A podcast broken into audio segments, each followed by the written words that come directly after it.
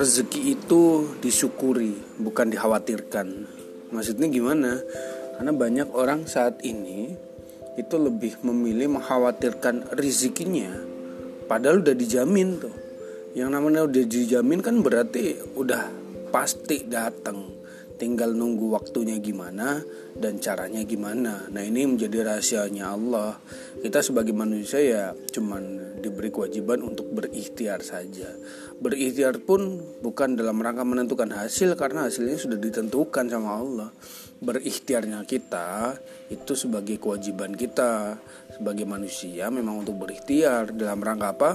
Dalam rangka beribadah kepada Allah. Namun rizkinya, takarannya, banyaknya itu udah ditentukan sama Allah.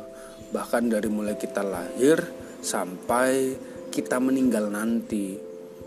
Gak akan mungkin kita meninggal sebelum semua jatah rizki kita itu dikasih sama Allah. Bahkan sebutir nasi saja yang menjadi jatah hidup kita, jatah rezeki kita. Kalau belum dikasih sama Allah, nggak mungkin kita meninggal. Maka nggak usah dikhawatirkan tapi disyukuri maksudnya disyukuri gimana mas yang namanya rizki udah dijatah udah dicatat di sana berapa jumlahnya berapa banyaknya gimana turunnya kan berarti udah jadi milik kita ya nggak maka tugas kita tinggal mensyukuri. Mensyukuri baik yang sudah diberikan wah ini harus dengan kesyukuran yang begitu besar ataupun yang belum diberikan. Yang namanya belum kan pasti nanti dikasih.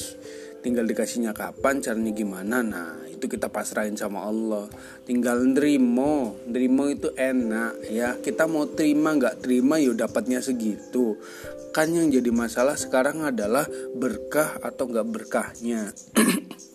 Dan inilah yang uh, membuat rezeki itu cukup atau nggak cukup dalam hidup kita. Itu berkahnya bukan banyaknya yang membuat rezeki itu menenangkan dalam hidup kita itu berkahnya bukan jumlahnya ya.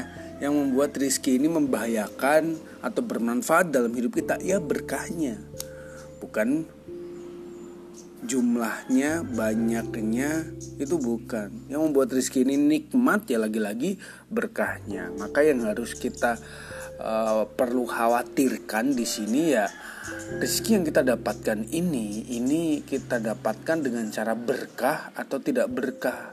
Kita belanjakan dan jadi berkah atau tidak berkah maka ketika kita sudah fokusnya ke situ insya Allah berapapun rezeki yang Allah berikan enak hati kita. Tentram hati kita. Sedikit akan terasa cukup banyaknya akan bermanfaat. Insya Allah